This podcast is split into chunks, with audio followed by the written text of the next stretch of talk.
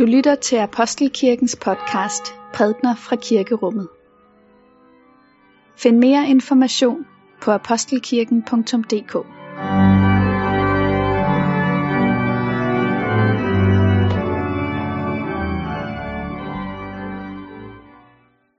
God morgen og velkommen til gudstjeneste.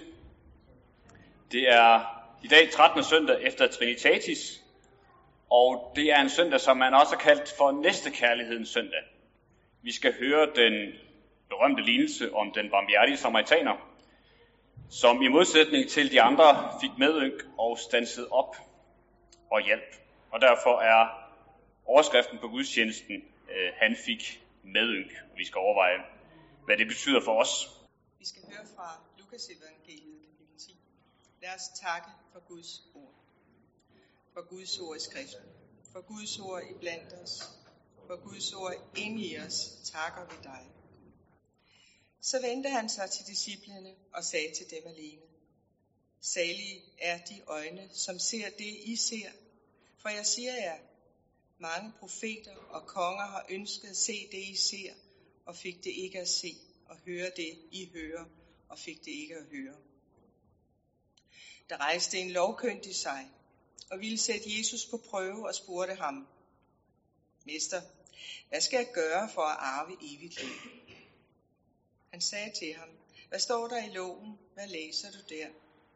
Manden svarede, du skal elske Herren, din Gud, af hele dit hjerte, og af hele din sjæl, og af hele din styrke, og af hele dit sind, og din næste som dig selv. Jesus sagde, du har svaret rigtigt. Gør det, så skal du leve.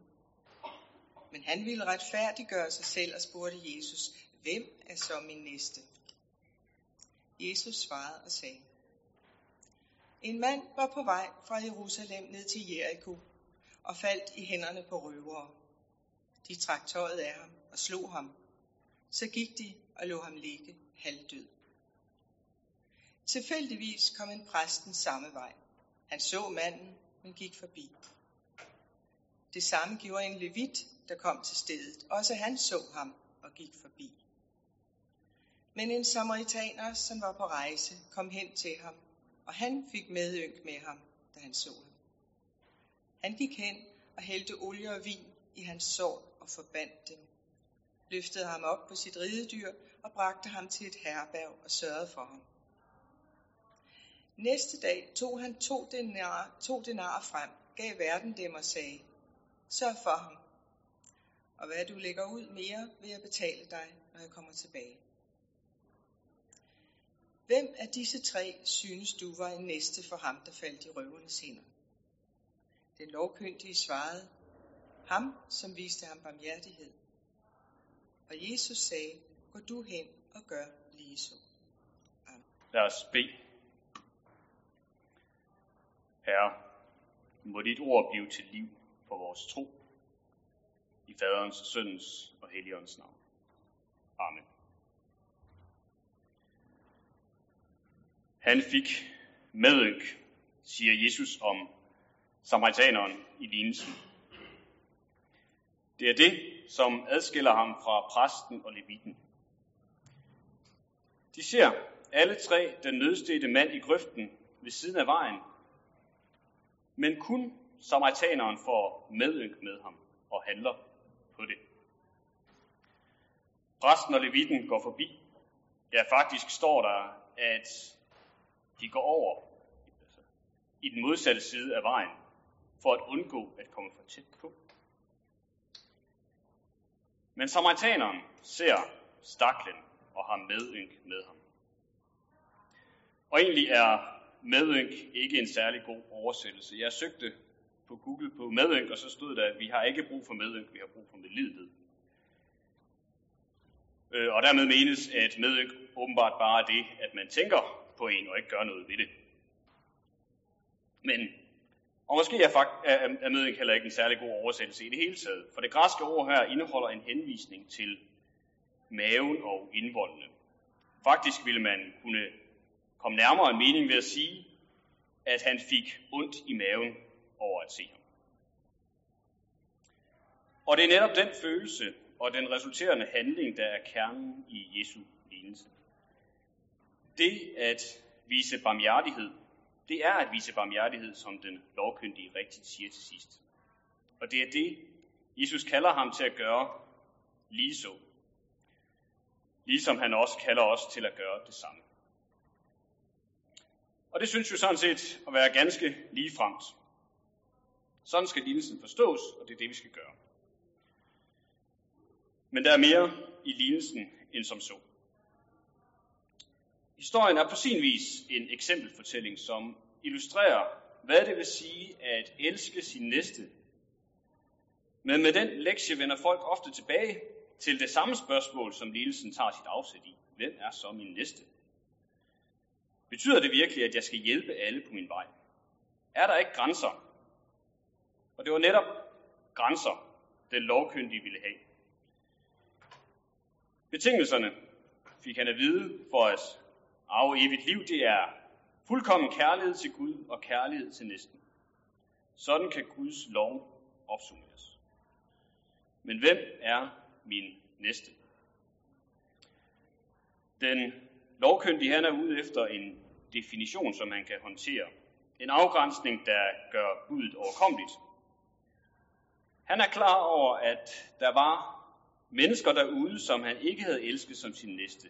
Man kunne næsten forestille sig, at han havde talt med Jesus, så havde han vendt ryggen til, og var på vej hjem, så kom han i tanke om, hov, der er noget galt her, jeg bliver nødt til at få afklaring på det her. Så han vendt, vendt sig om igen og spurgt, hvem er min næste? Han havde brug for at kunne retfærdiggøre sig selv, hvis de mennesker, han havde overset i første omgang, slet ikke var hans næste. Så kunne han ligesom sige, at det ligger uden for min forpligtelse. Så han har brug for den her definition. Men Jesus giver ikke manden en definition. Han giver ham en historie. En mand var på vej fra Jerusalem. Sådan begynder lignelsen. Det bliver ikke defineret, hvilken mand det er. En anonym person. Vi ved ikke, hvor gammel han er. Vi kender ikke hans e-, etnicitet. Vi ved ikke, hvor han kommer fra. Det kunne være hvem som helst. Og det er netop Jesu pointe. Han er hvem som helst. Måske ønsker den lovkyndige her at spørge ham, stop lige Jesus. Hvilken mand taler vi om? Kan du beskrive ham? Er han en jøde? Er han en hedning? Men selv hvis den lovkyndige havde spurgt om dette, ville Jesus ikke have svaret. Han havde bare sagt, en mand, en navnløs, ansigtsløs person var på rejse og blev overfaldet. De bankede ham halvt ihjel, tog hans punkt, og så efterlod de ham i hans undersøj, liggende i mudderet grøften. Han blev efterladt som et dyr, som var blevet kørt ned. Og først går en præst forbi, og dernæst en levit forbi, som om han var et dyr, der var kørt ned. Begge to personer, der arbejdede i templet i Jerusalem, begge to personer, man ville forvente, der ville hjælpe. Og de var på vej den samme vej, ned fra Jerusalem til Jericho. De folk, der havde lyttet til Jesu lignelse, ville have forventet, at efter de to personer her, ville den næste person, der kom ned ad vejen, være en almindelig jøde. En lægmand, der også havde været i templet og, på vej, og var på vej hjem. Det ville have været den naturlige sekvens. Der var mange historier på den tid, som netop var bygget op på den måde, og så kunne man ligesom udstille embedsmændene, de præsterne og levitterne, de professionelle religiøse, og udstille deres cykleri og vise, at det var de, de var alle jøderne, det var de almindelige jøder, som egentlig havde styr på det her. Det var den almindelige jøde, som skulle være helten. Men det er her, den store overraskelse i lignelsen kommer fra Jesus. Jesus siger, at den tredje forbipasserende var en samaritaner. En samaritaner. Jeg tror egentlig, det kan være svært at forstå chokket her over, hvad det er, Jesus siger. Dels fordi ordet samaritaner i dag jo er blevet et positivt ord. Det betegner et menneske, som hjælper, og som er til for at hjælpe. Og så dels fordi vi, vi befinder os i en helt anden social og etnisk kontekst, end Jesus befandt sig i. For det er svært at pege på en folkegruppe, der var mere foragtet af jøderne end samaritanerne. De havde ligget i fjendskab med hinanden gennem århundreder.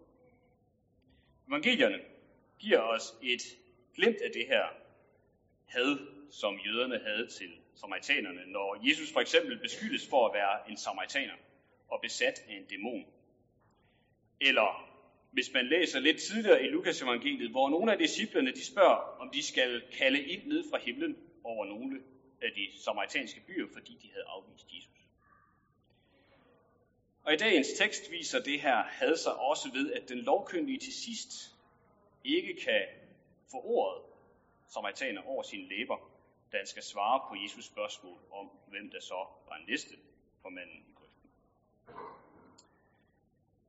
For at understrege, hvor voldsomt det her er, skriver den amerikanske teolog øh, Kenneth E. Bailey, der har boet adskillige år i Mellemøsten, at han må bekende, at han aldrig har turet at fortælle de palæstinenser, han arbejder sammen med, en historie om den edle israeler.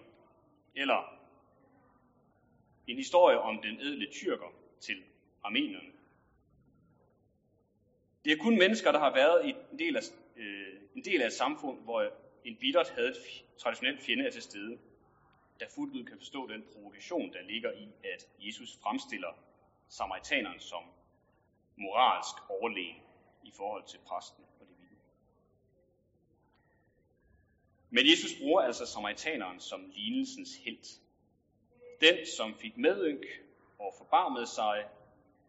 Og Jesus dvæler ved og beskriver nøje, hvordan samaritaneren tager sig af den nødstede og sørger for, at alt bliver sørget for, så han kan komme på benene igen. Vi ved ikke engang i den her historie, om offeret kom til bevidsthed, så han kunne se, hvem der hjalp ham. Men det er egentlig uden betydning. Samaritaneren tænker ikke på sig selv. Han har fokus på den anden person. Og så er vi kommet til det punkt, når lidelsen slutter, hvor, I, øh, hvor vi forventer, at Jesus han, han siger, du spurgte, hvem din næste er, og nu fortæller jeg dig, hvem det er. Din næste er hvem som helst, du møder på din vej, der er i nød, ligesom den anonyme mand i grøften. Selv hvis det er din fjende. Det ville give mening, hvis Jesus havde sagt det. Og delvis er det jo også svaret på spørgsmålet. Han blev spurgt, hvem er min, min næste? Og Jesus henviser så til et navnløst og ansigtsløst offer for vold som et svar. Men egentlig er det vigtigt her at være opmærksom på, hvad det er, Jesus han egentlig siger. Fordi Jesus han vender egentlig det hele på hovedet til sidst. Han vender det om. Han siger, hvem af de tre forbipasserende handlede som en næste over for den nødstede? Spørgsmålet er ikke, hvem er min næste, men hvem var en næste til den nødstede? Og når Jesus han vender tingene på hovedet, så må vi spørge os selv, hvem af personerne i lignelsen er det egentlig, Jesus han ønsker, at den lovkyndige i første omgang skal identificere sig med, og vi sidenhen skal identificere os med? Den lovkyndige selv kunne måske allermest identificere sig med præsten og leviten. Det var dem, der var tættest på ham, etnisk set og måske også erhvervsmæssigt. Og han havde ikke så mange muligheder nu, når helten i lignelsen var en forhat samaritaner. Problemet er selvfølgelig, at præsten og levitten ofte bliver, øh, her bliver fremstillet som hyklerne, dem som ikke gør det rette. Og vi kan også nemt tænke, hvor er de nogle skrækkelige personer. Men deres handlinger, selvom vi ikke skal anbefale dem, og selvom vi ikke skal forsvare dem, så er de jo ikke uforståelige. På sin vis havde de jo fornuftige undskyldninger på plads. De kunne, ligesom den lovkyndige, forsøge at retfærdiggøre sig selv. Vejen fra Jerusalem til Jericho var en notorisk farlig vej. Hvem vidste, om røverne stadig lå på lur? Og så var der problemet med mandens identitet og tilstand. Var han en hedning, for så behøvede de jo ikke at hjælpe. Og dernæst, hvis han viste sig at være død, og de havde rørt ved ham, så ville de blive rituelt urene. Martin Luther King giver i sin fortolkning til den her tekst en definition på, på forskellen på præsten og levitens attitude over for den nødstede. Og han siger sådan, det første spørgsmål, som præsten og levitten stillede, var, hvis jeg stopper op og hjælper denne mand, hvad vil der så ske mig? Men den barmhjertige samaritaner vendte spørgsmålet om, hvis jeg ikke hjælper denne mand, hvad sker der så med ham? Og man kan måske godt tænke, at præsten og leviten havde nogle sløje undskyldninger. Og når vi hører lignelsen, kan vi måske sidde og tænke, selvfølgelig står man derop og hjælper. Det er da indlysende. Men det er så svært i praksis. Jeg tror, mange af os er gået forbi et menneske i nød og har fundet på gode undskyldninger for ikke at hjælpe. Og en af de store undskyldninger, som vi kan have dag, det er vores travlhed. Vi har ikke tid. Vi lever i et samfund, hvor alting skal gå ufattelig stærkt. Så hurtigt, så øh, filosofen Morten Albæk har sagt, at i vores samfund er hastighed Gud. Og det vilkår betyder, at vi overser, betyder blandt andet, at vi overser de mennesker, som er omkring os. Både dem, som er helt tæt på os, vores allernærmeste, men især dem, som er længere væk og som er nødstedt. Jeg tror, vi alle sammen kan spejle os lidt i præsten og levitten, og som den lovkyndige bekende, at vi ikke kan retfærdiggøre os selv på baggrund af principper og definitioner. Foran Gud kan ingen arve evigt liv eller retfærdiggøre sig selv på den måde. Og når vi har gjort det, så må vi dernæst se et andet sted hen. Og vi må forsøge at identificere os i stedet for med den nødstede. Og måske var det i virkeligheden den bevægelse, Jesus også ønskede, at den lovkyndige skulle gøre. Jesus ønskede at flytte ham fra positionen af overskud og sin egen opfattelse af selvtilstrækkelighed, hvor han kunne afsøge verden for hvem der nu var hans næste, hvem han skulle komme til hjælp, og i stedet indtage en position, hvor han må se sig selv som den, der har brug for en næste. En, der har brug for, at en anden ser ham og får medynk med ham. Og det er også der, vi allerførst må se os selv. I lang tid af kirkens historie, og særligt i den tidligste kirke, var det almindeligt at fortolke lignelsen sådan, at Jesus var den barmhjertige samaritaner. Udover at øh, udover den her lignelse, så bruges det her udtryk, han fik medynk i evangelierne, kun om personer, som i Jesu lignelser symboliserer Gud. For eksempel faderen i lignelsen om den fortabte søn. Og så bruges det om Jesus selv i mødet med den nød, der var ham omkring ham. For eksempel, når han ser en død, som, og en sørgende mor over sin afdøde søn. Barmhjertigheden og den dybe medynk, der driver til handling på vegne af den nødstede, er først og fremmest Jesu karaktertræk, fordi det er Guds karaktertræk. Og Karl Barth, den svejsiske teolog, skriver, når Jesus siger til sidst, gå du hen og gør lige så, så siger han i virkeligheden, følg mig. Det er et kald til at følge Jesus ud i verden og være næste for andre, fordi han blev en næste for mig. Det er et kald til at give kærlighed, den kærlighed videre, som Kristus har givet til mig, og som jeg kan leve og hvile i. Også når jeg ikke slår til over for min næste, og fortvivlelsen, afmagten og skammen over mig.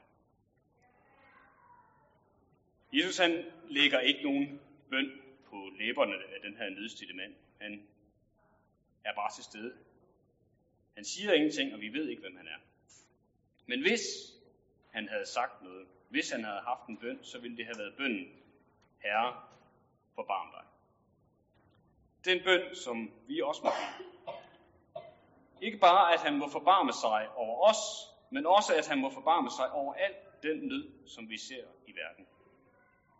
Dermed lægger vi ikke ansvaret fra os, men vi lader vores liv forme af Kristi nåde imod os. Det er noget, der skænker os evigt liv, når vi følger ham, og kalder os til en vandring gennem verden, hvor vi ser på verden, som han ser den, med medynk. Og i det større sammenhæng i Lukas evangeliet, så er Jesus jo på vej op mod Jerusalem, hvor han skal dø. Og et af de spørgsmål, der besvares på den rejse, det er, blandt andet igennem det, Jesus han underviser om, hvordan ser et liv ud, som er formet af Guds nåde. Og i den her historie ser det sådan ud. En samaritaner, som var på rejse, kom hen til ham, og han fik med med ham, da han så. Er at være faderen og sønnen og helligånden, som det var i begyndelsen, således også nu og altid og i al evighed.